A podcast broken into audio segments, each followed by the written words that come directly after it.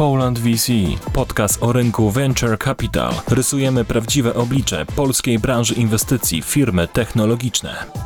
Cześć, witam Was w 19 odcinku podcastu Poland VC. Z tej strony Łukasz Kulicki z kancelarii Linkę Kulicki. E, dzisiaj mamy kolejnego gościa. Cześć Jacku. Cześć. Naszym gościem jest Jacek Ostrowski z funduszu Simpact Ventures. Jacku, przedstaw się proszę, e, powiedz parę słów o sobie i powiedz może, jak wyglądała Twoja droga do branży Venture Capital, bo patrząc na Twoje bio na LinkedInie, e, no to miałeś i przygodę w publiku, miałeś i przygodę z funduszami europejskimi. E, jak to się stało, że trafiłeś do branży Venture Capital?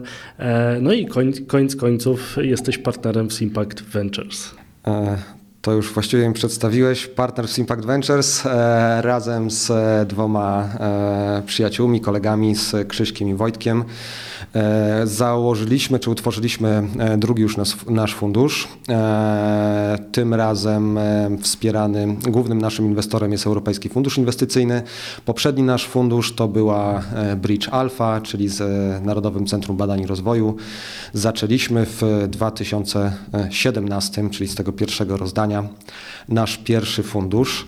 A moja przygoda venture'owa e, jest, e, jak pewnie w większości osób, które nie przyszły z bankowości albo nie są zegzitowanymi funderami, e, dosyć nietypowa. Bo ja z VC zetknąłem się dawno temu, a mianowicie jak sobie pogrzebiecie w historii, to podobno jednym z pierwszych funduszy VC w Polsce był taki fundusz, który się nazywał Kersbeck. I on powstał w 1992 roku. Bynajmniej ja tego funduszu wtedy nie tworzyłem, bo to była dla mnie gdzieś e, późna podstawówka, e, dla ciebie pewnie jakieś e, wczesne przedszkole. 92 rok. Tak, tak dawne, dawne czasy, ale to, to jest jeden z pierwszych funduszy typu VC w Polsce. On był utworzony przez różne instytucje, głównie amerykańskie. Tam też był Europejski Bank Odbudowy i Rozwoju, tam było USAID. No i tam również LPIS-em była była instytucja, do której ja trafiłem w 2008 roku, Fundusz Współpracy. I ja, w, kiedy trafiłem do, w 2008 roku do Funduszu Współpracy, no to miałem e, tą przyjemność, e, tak, przyjemność skeszowania się z tego funduszu, czyli my wtedy po latach 16 wyszliśmy z tej inwestycji jako inwestor, no i też brałem udział w wychodzeniu z tego, z tego funduszu i to była taka pierwszy, pierwsze zderzenie z Venture Capital e, polskim. E, później moja przygoda przeszła przez e, różnego rodzaju związki z funduszami europejskimi, więc jakby też byłem blisko raz, że tych instytucji, które wspierały od tych lat powiedzmy 2010 i plus ten rynek e, startupowy e, i venture'owy, więc tu miałem dosyć bliskie związki takie poprzez środki, środki europejskie. No i z drugiej strony ja jestem osobą trochę wywodzącą się z takiej społecznej naszej nogi funduszu. E, miałem do czynienia w różnych aspektach z czymś, co się nazywa innowacjami społecznymi chociażby.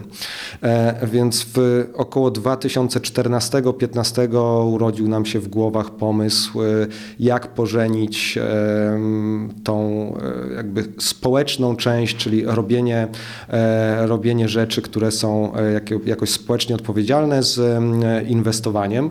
No i tak doszliśmy do, do tego naszego pierwszego funduszu e, Simpact, e, teraz określamy go Simpact 1.0 i, i udało nam się przejść przez, przez rekrutację alfową i wystartowaliśmy z pierwszym funduszem w Polsce, który opiera się na idei impact investingu, czyli takiego inwestowania trochę innego niż, niż zwykłe venture capital. No właśnie, jak powiedzieliśmy sobie poza mikrofonem jeszcze na ofie, e, że tych funduszy e, impaktowych, czy, e, no, czy takich związanych z innowacjami społecznymi jest, jest mało, sam powiedziałeś o trzech w Polsce, to może jakbyś nam rozwinął troszkę ten termin, bo skoro, skoro to są tylko trzy fundusze, czy kilka funduszy, to może w ogóle ta ten termin nie jest dobrze zrozumiany przez, czy przez naszych słuchaczy, czy przez uczestników rynku startupowego, rynku inwestycyjnego. Czym są innowacje społeczne i idąc o krok dalej, jak powinniśmy właśnie rozumieć impact investing? Znaczy tak, e, innowacje społeczne możemy trochę na bok odłożyć, e, bo to jest gdzieś taka idea, która gdzieś jest e, bardziej w obszarze polityk publicznych. Natomiast dla nas największym problemem jest, dla nas mówię jako zespołu i funduszu, który jest trochę pionierem, właśnie nie trochę, tylko jest pionierem w tym obszarze, że impact investing nie ma dobrego odpowiednika polskiego. Znaczy trudno znaleźć tu jakieś polskie słowo, które by pasowało, a z drugiej strony wokół e, tego typu inwestowania też jest e, mnóstwo różnych innych e, obszarów, bo teraz chociażby mamy bardzo mm, na, na czasie czy popularne kwestie związane z tematami wokół ESG i, i wszystkiego, co się wiąże z, z, z ESG. Mamy od, inwestowanie społecznie odpowiedzialne, mamy kwestie powiązania inwestowanie z jakimiś formami e, CSR-u, czyli e, odpowiedzialnego, odpowiedzialnego biznesu. Natomiast to, czym jest impact investing, to jest e, trochę mm, nie, nie od strony tego, jak się inwestuje, a bardziej w co się inwestuje. Bo wychodzimy z założenia, że każda inwestycja ma jakiś impact, czyli ma jakiś wpływ na otoczenie, na planetę, na społeczeństwo. Znaczy ten wpływ może być albo negatywny, czyli zainwestujemy sobie w hutę aluminium i wiadomo, że to będzie mega energochłonne i środowiskowo katastrofalne. Ten wpływ może być e, neutralny, to znaczy poprzez naszą inwestycję nie stanie się ani nic dobrego, ani nic złego. E, po prostu będzie to nie wiem, jakiś marketplace, który sprawi, że e, ktoś na tym zarobi, zostaną zaspokojone czyjeś potrzeby, ale też może być to inwestowanie, które celowo ma przynieść oprócz zysku, i to jest bardzo ważne, znaczy, że my nie zastępujemy zysku, e, czyli kasy, zarabianie kasy dla inwestorów czymś, e, czymś innym, tylko obok, oprócz e, zysku sprawia, że e, rozwiązywane są jakieś problemy czy challenge środowiskowe, e, społeczne. I tak e, my wybierając, czy generalnie w obszarze impact investingu, jeśli wybiera się projekty do sfinansowania, to nie opieramy się na jakimś branżowym podejściu, że operujemy tylko w obszarze, nie wiem, medtechu, edtechu, czy jakimkolwiek innym sektorze. Natomiast wybiera się takie projekty, które intencjonalnie intencjonalnie i celowo mają przynieść pozytywny, pozytywną zmianę e, społeczną bądź e, środowiskową. Więc mówimy tutaj bardziej o inwestowaniu z celem, tak? że naszym celem jest zrobienie pieniędzy dla naszych inwestorów, ale też, aby ta inwestycja rozwiązywała jakiś konkretny problem. A mógłbyś podać parę przykładów, tak żebym ja i nasi słuchacze mogli lepiej zrozumieć e, to, to, na przykładzie właśnie takich firm, w które może wy zainwestowaliście, które uważasz za ciekawe, e, czy firmy, e, firm z rynku, czy przykładów jakichś z rynku, tak żeby lepiej zrozumieć impact investing, bo rozumiem, że, że patrzycie na to, na ten pozytywny wpływ, tak? Ale w czym on może się na przykładzie jakimś przejawiać? E, przykładów, e, znaczy jest tak, że bardzo wiele, zresztą spółek, w które my też inwestujemy, czy z którymi rozmawiamy, to nie jest tak, że przychodzi do nas e, startup i mówi, my jesteśmy impaktowym startupem. Znaczy najczęściej jest tak, że robią bardzo fajne rzeczy, rozwiązują jakieś problemy, ale nie definiują siebie jako projekty impaktowe.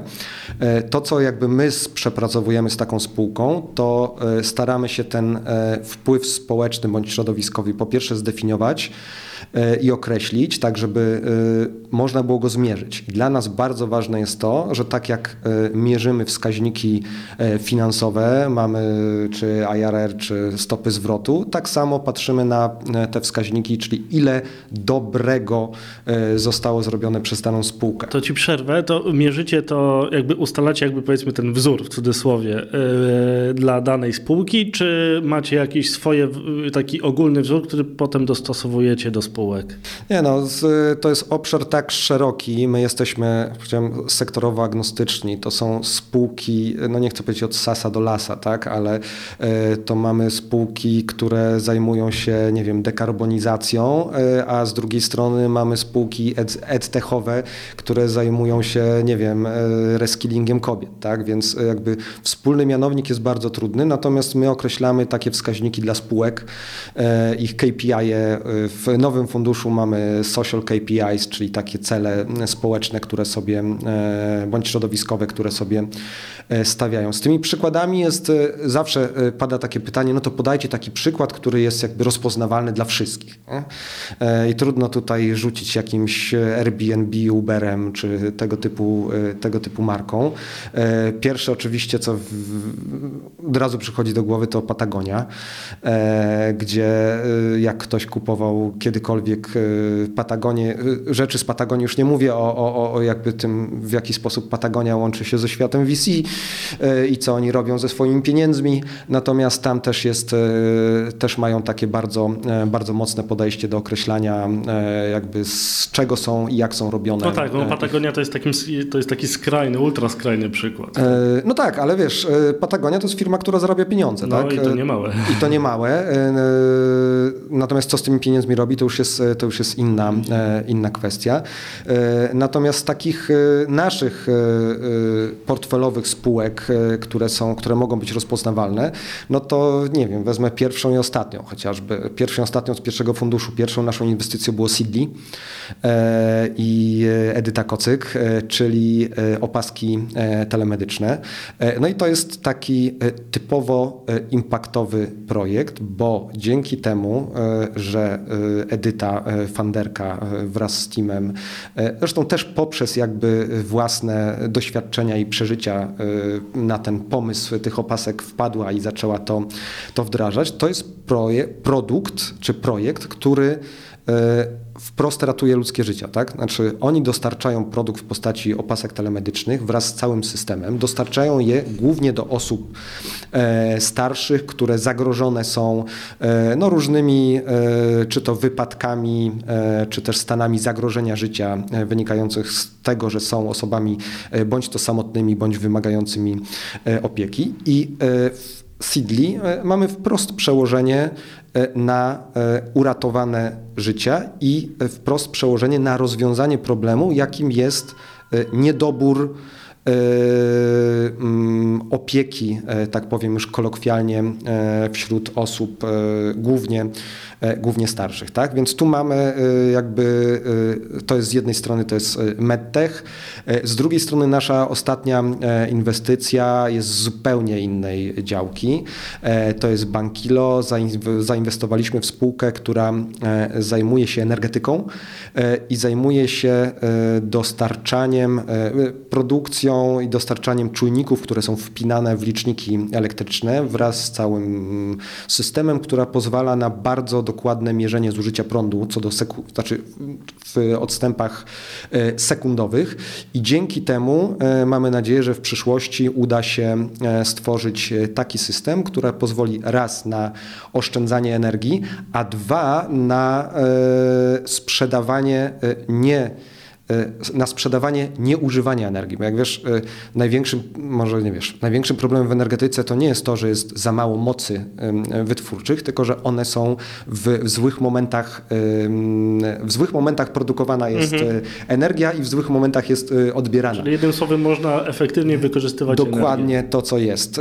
To, co mamy na rynku, wiesz, wystarczy pralkę przełączyć z 14 na 19 i już sytuacja zupełnie inaczej wygląda, więc jakby tutaj mamy w tym projekcie mamy kwestię związaną z oszczędzaniem energii, e, nie wytwarzaniem nowej energii, a gospodarowaniem innym e, istniejącą energią w skali makro, a z drugiej strony no to jest gdzieś jakiś tam mm, kamyk do ogródka e, w zakresie ubóstwa energetycznego i, i generalnie oszczędności, oszczędności energii. To jakby z naszego starego portfela. Z nowego portfela już mamy przykłady jeszcze bardziej takie, których można dotknąć. Powiem o jednym, e, mianowicie spółka, która e, zajmuje się prewencją e, cyberbullyingu. Czyli mamy system, powiem tak, w uproszczeniu nazwijmy to sztuczną inteligencję, która zapobiega hejtowi w sieci, na przykład, nie wiem, mamy Reddit czy Discorda, generalnie całe poletko związane z gamingiem, gdzie są czaty, no i dzięki temu systemowi on zapobiega mm, temu, żeby się ludzie po prostu obrażali, czy stosowali wobec siebie mowę nienawiści, hejt i tak dalej. I fajne jest to, że oni nie tyle niwelują szkody, czyli że ktoś coś komuś złego powie albo narobi takich szkód, później dostanie bana i jakaś się tam sprawa toczy. Oni wychwytują, te, wychwytują tą mowę nienawiści jakby y, y, nie dopuszczają do tego, żeby ona się pojawiła. No i taki człowiek, który tam nawypisuje różnych dziwnych rzeczy, dostaje komunikat, hej Jacek, no, może jesteś zdenerwowany, może nie chciałeś tego napisać, ale e, taki twój tekst jest obraźliwy, przemyśl to, tak? Więc e, i to jest ogromny problem, znaczy jak się spojrzy na, na e, globalnie i na rynek, i na to, co z jaką, e, z jaką masą tego typu e, zachowań mamy do czynienia, e, no to, to, to nasza spółka, ten system wchodzi, wchodzi pomiędzy ten czat, czy, czy, czy, ten, czy to forum, a użytkownika i, i trochę łagodzi, łagodzi to napięcia. No i tutaj też mamy konkretne, konkretne KPI, konkretne wskaźniki, ile takich interwencji e, udało się zrobić. Chciałbym Cię podpytać, bo po, powiedzieliśmy o w miarę takich, e, przynajmniej dla mnie, może nie dla wszystkich, oczywistych e, obszarach, a być może są takie mniej oczywiste, czy takie, które nie przychodzą nam w pierwszym momencie do głowy, chociaż może ten cyberbullying to nie jest pierwsza rzecz, która może by tam przyszła w większości do głowy, ale jakieś tam kwestie związane ze środowiskiem, środowiskiem już, to już, e, już pewno tak. E, mi przychodzą do głowy takie z takich mniej oczywistych pomysłów, na przykład kwestia wykluczenia cyfrowego albo odwrotnie, uzależnienia cyfrowego od, od, od smartfonów. Czy widzisz takie, e, takie powiedzmy mniej oczywiste pola, które można by było zagospodarować właśnie poprzez tę ideę impact investingu, albo może pola, które właśnie nie są przez to zagospodarowane, a wręcz się proszą o to, żeby, żeby, żeby w to wejść? Wiesz co, to jest tak, że no, y, y, startup, który powstaje, y, który nie powstaje w odpowiedzi na problem, prędzej czy później skończy dosyć swój żywot szybko. Jak ten problem jest wyimaginowany i sztuczny, koniec zapewne będzie taki sam. Więc tak czy inaczej, większość e, funderów, większość startupów powstaje w odpowiedzi na e, jakiś problem. I teraz e, jest pytanie, czy to jest problem właśnie, który urodził się w głowach tych funderów, czy to jest problem rzeczywisty. Jak to jest problem rzeczywisty, no to teraz my sobie takich, takie startupy i fundery, funderów rozdzielamy na kubki, na dwie kubki. Tak? Czy to jest problem, który jest problemem społecznym, środowiskowym, czy to jest problem, który dotyczy bardzo wąskiej e, e, grupy osób, e, która de facto, które de facto nie wiążą się z, z, z, szerszym oddziaływaniem, czy też nie. I tutaj to też jest nasza rola trochę zespołu i funduszu, żeby taki coś na kształt takiego warsztatu przeprowadzić i zobaczyć na ile problem, na który odpowiada ta spółka, ich produkt bądź sami funderzy mieści się czy faktycznie z tego jest coś e, dobrego dla, dla, szerszego, e, dla szerszego grona osób e, i ewentualnie środowiska. No właśnie, poruszyłeś tą kwestię y, problemu y, i patrzyłeś tak właśnie od strony biznesowej i to pokazuje, że nie jesteście instytucją charytatywną i nie rozdajecie pieniędzy i nie należy y, na to patrzeć właśnie z tej perspektywy na impact investing, ale właśnie chciałbym podpytać, na co w pierwszej kolejności zwracacie uwagę i jak wygląda właśnie jakby proces inwestycyjny u Was. Powiedziałeś o, o jakichś warsztatach, a ja bym się chciał dowiedzieć, jaką uwagę E, e, ma ten impact, a jaką uwagę ma, e, ma kwestia biznesowa przy podjęciu przez Was decyzji o wejściu w dany projekt? E, znaczy powiem tak, mm, kwestie e, impaktowe są dla nas trochę zero-jedynkowe, e, trochę takie kryterium formalne, tak? Znaczy albo on jest, albo go nie ma. Czyli jak nie ma, to nie przechodzicie dalej. To nie przechodzimy dalej. Co prawda nasz mandat inwestycyjny, mamy część środków, mamy jakąś pulę, nawet znaczną, to jest prawie, znaczy nie prawie, to jest 30% środków, które, które mamy trochę bardziej, nazwałbym to miękkie, tak? Znaczy muszą być to spółki z obszaru impact investing, natomiast e, nie, nie są tak mocno obwarowane, e, monitorowane i tak dalej, więc mamy taką e, możliwość, że trochę bardziej pójdziemy poza, poza patrzenie na ten, na ten impact. Natomiast co do zasady, no to, to jest to zero-jedynkowo.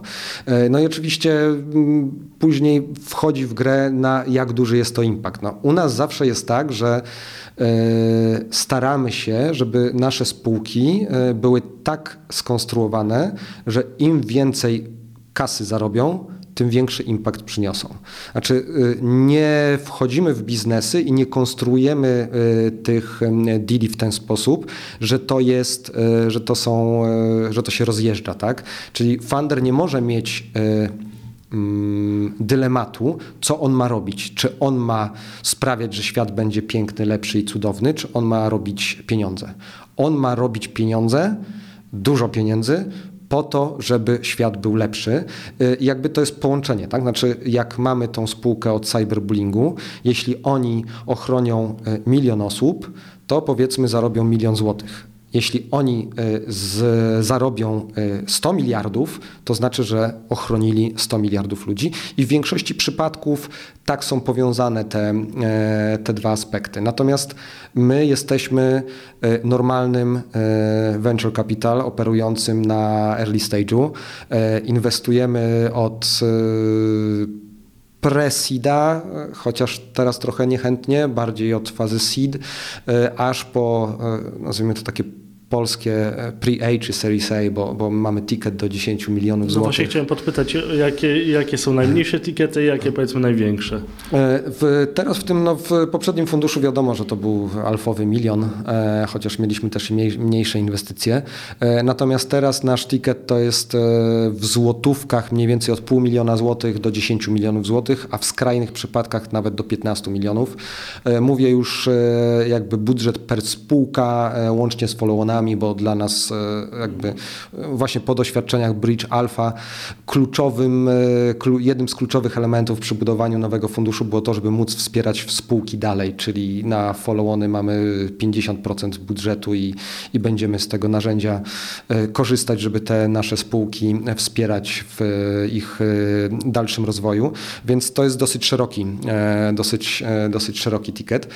I my jesteśmy venture capital, czy nasi inwestorzy inwestorzy e, są świetni, e, bardzo zróżnicowane grono. Wszyscy postawili na impact i cieszą się z tego, że ich pieniądze będą, e, będą też takim multiplayerem, nie tylko kasa razy kasa, ale też, że z tego przyjdą jakieś fajne, fajne rozwiązania. Ale jednak na samym końcu to my, żeby zarobić, musimy dla naszych inwestorów i dla siebie musimy zarobić realny cash, czyli musimy wyjść z tych spółek z zyskiem, e, a ponieważ nie jesteśmy wspierani przez publiczne pieniądze, no to tu jest e, e, musimy zarobić jak normalni przedsiębiorcy, czyli nie, nie, nie mamy żadnych bonusów, nikt nam nic nie dokłada z uwagi na to, że jesteśmy w obszarze impact investingu. Znaczy, Wyobrażam sobie, że, że zakładając startup impaktowy, tak powiedzmy w cudzysłowie, e, no może okazać się, żeby, ten, żeby do tego impaktu, do tego wpływu, pozytywnego wpływu doszło, no potrzeba troszeczkę więcej czasu niż w przypadku innych, innych e, projektów. I Myślisz, że to jest poprawne założenie, czy raczej ten impact można uzyskać e, dosyć szybko? najczęściej jest tak, że ten impact to jest core business, to jest, DNA, to jest takie DNA firmy bądź założycieli. Czasami jest tak, że pierwsze myślą o impakcie, a później na bazie tego robi się biznes. Też mamy takie sytuacje. Natomiast... No to po, po, podaj taki przykład, nie, no to, możesz, bo to, bo to jest ciekawe. Bo, bo to jest jakby projektowanie firmy odwrotnie niż zazwyczaj Wiesz co, nawet nie, bo to jest tak, że mamy, tak jak powiedziałem, czy o Seedly, mamy jeszcze kilka takich spółek, gdzie e, funderzy zderzyli się z jakimś problemem, który dotknął ich bądź ich otoczenie, e, zweryfikowali, e, że nie ma skutecznych rozwiązań w tym zakresie, po czym zobaczyli, jak wielka jest skala tego problemu, czyli że to jest, że jest rynek, no i stwierdzili, o kurczę, nikt tego nie rozwiązał, to ja się tym zajmę, mam na to pomysł, mam doświadczenie jakby w tym obszarze i działam. I jakby stąd mówię, że jest pierwsze, pierwszy jest impact i myślenie o impakcie, a później przychodzi z tego, z tego biznes. Natomiast tak jak my patrzymy na projekty, no to nic odkrywczego nie powiem, że to jest normalny taki VC job. Nie? Znaczy, biorąc pod uwagę etap, czyli mamy team, zespół i to jest podstawa jak u każdego racjonalnego funduszu venture capital, że oglądamy ten, nie każdą złotówkę z każdej strony, ale każdego fundera staramy się obejrzeć z każdej strony. E, to, co może dla nas, e, no oczywiście ważny jest rynek, czy to jest coś, co operuje na rynku 100 milionowym, 100 milionowym czy 100 miliardowym, e, czyli czy dla VC to jest coś, co, co jest atrakcyjne. To, co nas oczywiście interesuje, no to w pierwszym funduszu to był dla, dla nas obligo, w drugim trochę mniej, natomiast oczywiście też celujemy w rozwiązania technologiczne. Nie? I tech, tech impact poprzez tech jest najlepszy, bo jest e, skalowalny e, i jesteśmy w stanie zrobić dużą, e, dużą skalę. Natomiast my też i w pierwszym, i w drugim funduszu jesteśmy funduszem nastawionym na to, żeby się otwarcie komunikować i mówić o tym, że my jesteśmy tutaj, że to jest małżeństwo z, owszem, z miłości, ale też przede wszystkim z rozsądku i że jesteśmy na chwilę, czyli że my chcemy z tego biznesu wyjść. Mhm. Czasami jest tak, że to nie jest e, e, jasne dla, dla funderów. Znaczy o tym się rzadko mówi e, przy rozmowach. Gdzieś padają jakieś strategie wyjścia, no to będzie IPO, to będzie MBO, albo ktoś nas kupi. Natomiast my chcemy być fair wobec funderów i wobec naszych LPisów i raczej nastawiamy się na skaszowanie w cashu, a nie na to, że za 15 lat będziemy mieli duży portfel spółek świetnie impaktowych, natomiast nie bardzo będzie co z nimi, co z nimi zrobić. Czy trudno jest Wam e, znaleźć takie impaktowe startupy? Bo... Nie. Mm, są e, dwie rzeczy. Po pierwsze, e, impact investing no to jest teraz hype, powiem wprost. Znaczy to, jak rośnie ten rynek, e, co się dzieje na świecie. No to właśnie też zaraz będę chciał e, podpytać, jak, to, co to, się w ogóle dzieje na świecie. To jedno. Dwa, że wkroczyliśmy, my, my w naszym portfelu mamy funderów, którzy są 60+, plus, mamy i 20+, plus, ale jednak no, zetki, czy później milenialni dalsi, e, tak przynajmniej e, może nie statystycznie, ale bardziej stereotypowo są e, dużo bardziej przywiązani do tego, że oni nie chcą robić po prostu dla robienia, czy że zawsze ten jakiś sens, sens w tej pracy powinien być więcej niż zarobienie paru dolców więcej. I to widać, że jednak chcą, chcą zmienić świat, nie tylko swoje życie w postaci paru zer na, na koncie. I jakby to nam mocno, mocno pomaga.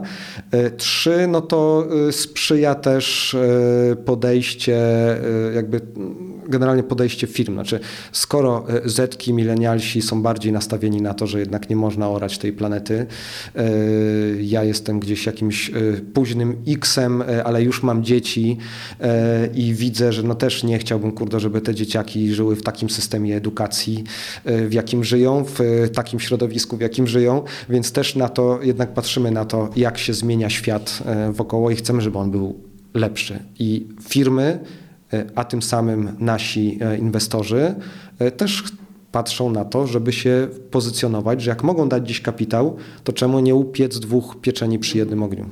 Myślisz, że czeka nas w Polsce y, jakiś boom na taki impact investing? Bo na razie y, z tego, co powiedziałeś też na początku naszej rozmowy wynika, że, że tych inwestorów jest y, na razie mało, ale dużo się już zaczyna o tym, o tym mówić, gdzie my jesteśmy na, na tle e, Europy czy świata. Co jeśli chodzi e, o takie obrędowanie się, o, o, o naklejkowanie, że się działa w obszarze impact investingu, e, no to właściwie e, jeśli chodzi o Polskę, no to jesteśmy my. Jest jeden fundusz taki bardzo mocno impaktowy, on jest bardziej social niż venture capital, nastawiony na, na takie no, semi, e, bym powiedział, charytatywne przedsięwzięcia. E, to jest fundusz robiony przez e, Towarzystwo Inicjatyw Społeczno-Ekonomicznych. No i to właściwie tyle. No. Oprócz tego jest sporo funduszy, które działają w tym obszarze, czyli biorą pod uwagę przy wyborze spółek jakby to, w jakim obszarze one działają, natomiast nie brandują się tak, no i nie mają jednej istotnej rzeczy, znaczy nie mierzą tego, nie ma tej intencjonalności, nie definiują, czy nie, nie zamknęli zamknęli się trochę w tej, w tej e, klamrze takiej, że robią to świadomie. Natomiast my też jakby współinwestujemy z takimi funduszami, bo i e, jako e, fundusz z misją, to i Borys ze Smoka trochę idzie w tym kierunku, czy Tomek Popow z Venture for Earth, czy mamy z Poznania chłopaków, więc dzieje się, ale to też jest naturalne. Znaczy dużo Pojawia się dużo projektów, e, no i te projekty chociażby e, środowiskowe, no teraz e, ja myślę, że przed wybuchem im paktowym, czyli takim obejmujących oba, obie te gałęzie, czyli socialowe i, i środowiskowe, e, no to green tech e, i climate tech będzie, e, no to będzie wyrastało jak grzyby po deszczu, no bo jest ogromne zapotrzebowanie. Czy to, co się wydarzyło w ciągu ostatnich lat z energią, z węglem, z, zaraz będzie z wodą, to są problemy z, w kwestii wody, to jest coś, co my sobie nie zdajemy z tego sprawy, ale to będzie ogromny problem. To nie jest problem Afryki. E, I e, jak spojrzy się chociażby na dane dotyczące e, demografii, znaczy Polska, jak już jesteśmy tu na miejscu, no to jesteśmy w czarnej mm, i się świetnie tam urządziliśmy demograficznie, no bo to będzie tragedia. Za 30 lat będziemy społeczeństwem dziadków i coś z tymi dziadkami, mówię tu też o sobie, e, te problemy trzeba będzie rozwiązywać. Od problemów zdrowotnych, edukacyjnych my będziemy musieli pracować do 70 bądź 80. E, to będą e, te luki pokoleniowe, które będą się tworzyć, które trzeba będzie bardzo szybko zasypywać. Więc takich wielkich, ogromnych problemów, które stoją nie przed ziemią, czy jakimś takim bytem, który, który jest wirtu, wirtualny, tak nienamacalny z naszego e, poziomu małego człowieczka, no to te problemy zaczną wyłazić różnymi kątami i stąd też e, pojawiają się e, po pierwsze startupy, które, które odpowiadają na te problemy, a jak pojawiają się ciekawe projekty, no to i pojawiają się pieniądze, żeby to popychać do przodu. Tak. Wspomniałeś o takich e, obszarach związanych z energią, z, z węglem, z, z paroma innymi rzeczami, które kojarzą mi się dosyć mocno z nauką. E, nauka kojarzy mi się, nauka i biznes kojarzą mi się z komercjalizacją. E, czy wy tutaj macie do czynienia e, też z tym aspektem takim połączenia biznesu e, z nauką? Czy macie do czynienia z naukowcami i jak patrzycie właśnie na ten obszar komercjalizacji, który e, no niestety w Polsce kuleje. Jakby komercjalizacja w Polsce mm, nie jest e, rozwiniętym procesem, jest powiedzmy na, e, na początku swojej drogi. Zdecydowanie. Znaczy, nie tylko deep tech e, naukowcami stoi. E, stety bądź niestety. E, wydaje mi się, że chyba, chyba stety, bo no teraz jak chce się zrobić rozwiązania, które będą miały ponadregionalne oddziaływanie i które się przebiją, szczególnie przebiją się z regionu, z naszego regionu, no to, to muszą być rozwiązania, które walczą na rynku czymś, czymś więcej niż, niż kasą na, na koncie i tego, ile można przepalić. Więc, więc no, mamy styczność z naukowcami. W większości naszych projektów, nie mogę powiedzieć, że są projekty, mamy kilka projektów, w których są e, naukowcy jakby wiodącymi e, też funderami, e, natomiast ten, ten mariaż zawsze, może nie zawsze, w dużej części występuje. Nie jest to dla nas must have, natomiast to dosyć naturalne, że gdzieś na technologii staramy się budować przewagi e, konkurencyjne, czy nasze, e, czy nasze firmy starają się budować przewagi e, konkurencyjne też na, na technologii. I to tak chyba będzie wyglądało. Jeszcze chciałbym podpytać Cię o, o takich naturalnych partnerów dla funduszy y, impaktowych i dla startupów impaktowych. Y, przewinęło się y, przez Twoje wypowiedzi kilka terminów takich jak CSR, ESG. Czy można jakby domniemywać, że takim naturalnym partnerem są niektóre korporacje dla takich podmiotów jak Wy, czy, czy dla startupów, tak żeby znaleźć jakiś lewar, czy raczej nie widzicie tutaj pola do współpracy, jeżeli nie tutaj, to gdzie indziej? Jeśli chodzi o korporacje, no to y, generalnie chyba w i fundusze venture capital i startupy są ostrożne e, we współpracy z korporacjami, bo to zawsze e, ten medal ma, e, ma dwie strony. Natomiast to, co my jakby też od takiej strony trochę nazwałbym edukacyjnej czy informacyjnej o impact investing mówimy, my bardzo często w rozmowach ścieramy się z tym, że czy to CSR, czy to charity, a komu wydajecie te pieniądze, więc mówimy, nie żadne charity. Z CSR-em e, mamy tyle wspólnego, że faktycznie e, robimy coś, e, coś dobrego, ale to nie jest, to nie jest malowanie trawy na na zielono i my nikomu nic nie dajemy, my inwestujemy e, z założeniem, że te pieniądze zostaną zwrócone. W przeciwieństwie do niektórych polityk CSR-owych, które właśnie są takie często tak, więc, e, więc no staramy się tutaj odcinać, ciężkie jest odcinanie, zresztą z ESG to jest trochę tak, o, o ESG z uwagi na regulacje i polskie i podejście generalnie światowe już, ESG to jest trochę taki framework, taka rama, ramka, którą można nałożyć na każdą firmę, tak? Czy w obszarze tam environment, y, czy segregujesz śmieci, nie masz za dużego carbon footprintu i tak dalej. W socialu, czy zatrudniasz pracowników i, i nie siedzą na beczkach z rtęcią i tym podobne historie.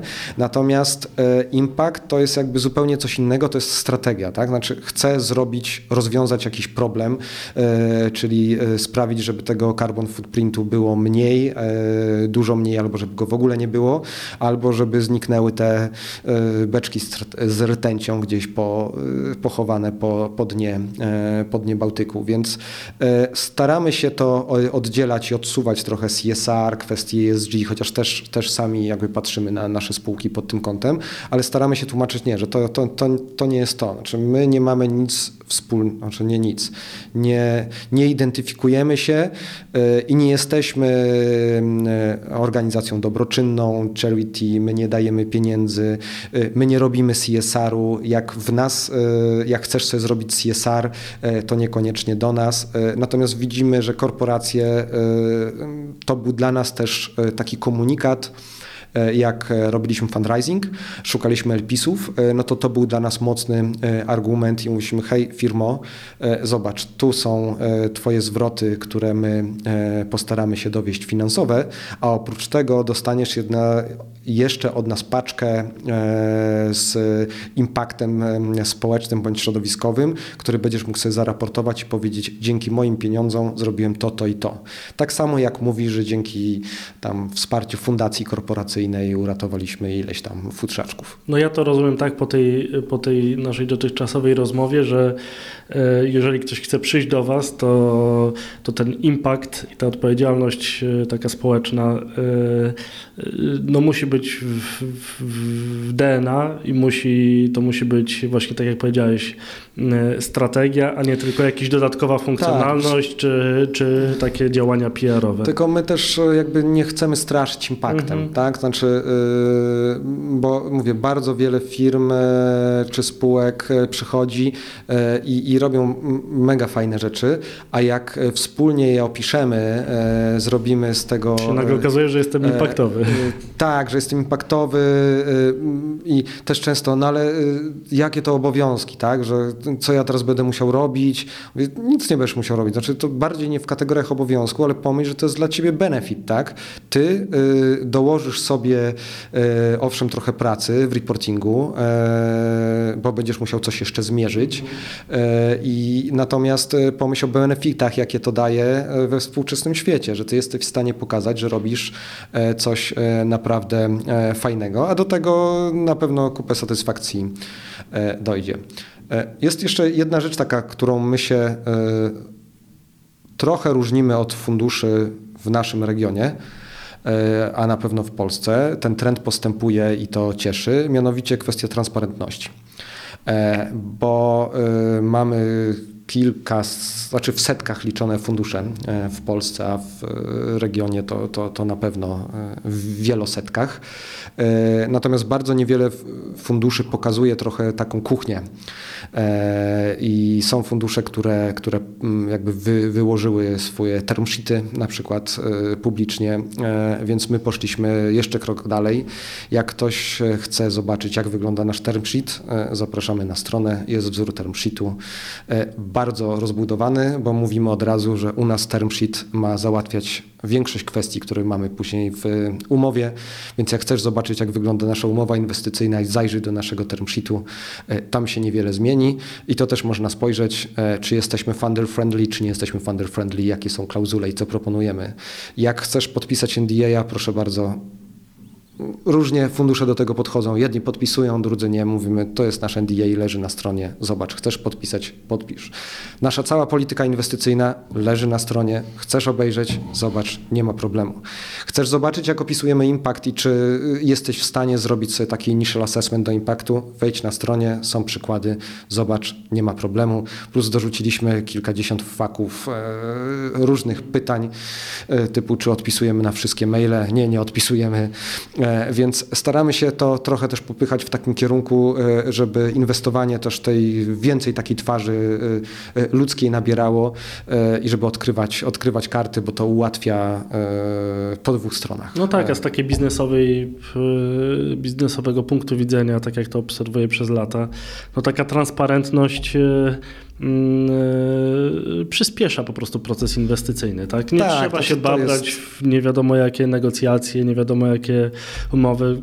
Generalnie wiemy, e, czego od siebie oczekujemy i to można wszystko przeprocesować szybko. No i dzięki temu oszczędzamy sobie kupę czasu na niepotrzebnych dyskusjach, e, które też jakby z doświadczenia wiemy, że bitwy o term sheet przy zaangażowaniu prawników z jednej i z drugiej strony powodują, że czasami tracimy miesiąc, dwa, e, a później się okazuje, że albo dealu nie ma, e, albo deal jest świetny, a term sheet to w ogóle po co było się kłócić o tam przecinki.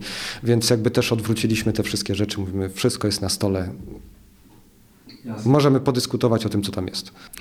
Jacku, bardzo Ci dziękuję y, za rozmowę. Dziękuję Ci, że odwiedziłeś nas y, w kancelarii, że mogliśmy y, tę rozmowę nagrać, bo wydaje mi się, że to jest bardzo, bardzo, bardzo ważny temat, któremu warto się przyglądać. Powiedz, jak najłatwiej Was znaleźć, jak, się najłatwiej, jak najłatwiej się do Was zgłosić, jeżeli ktoś prowadzi startup. Najłatwiej, najszybciej to oczywiście strona e, Simpact e, VC, e, jest polska, angielska wersja i, to jest e, przede wszystkim najlepiej odnaleźć tam tą część o funduszu i, i, zobaczyć jak inwestujemy.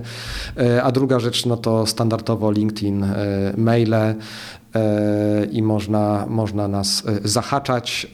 Staramy się być responsywni, natomiast tak jak przyznaliśmy się w fakach, lepiej, lepsze są takie lidy, które wpadają do nas, które faktycznie pasują, bo, bo, bo jest czasami trudno, trudno odeprzeć wszystkie, wszystkie zgłoszenia i, i, i, i jesteśmy otwarci na, na każdy kontakt. Jasne. Dzięki wielkie, powodzenia. E, ja dziękuję i na koniec tylko powiem, że gratuluję podcastu i to w ogóle świetna idea, że prawnicy robią świetne podcasty. Bardzo dziękuję. Każde dobre słowo mile widziane. Dzięki. Cześć. Dzięki. Poland VC, podcast o rynku Venture Capital. Rysujemy prawdziwe oblicze polskiej branży inwestycji, firmy technologiczne.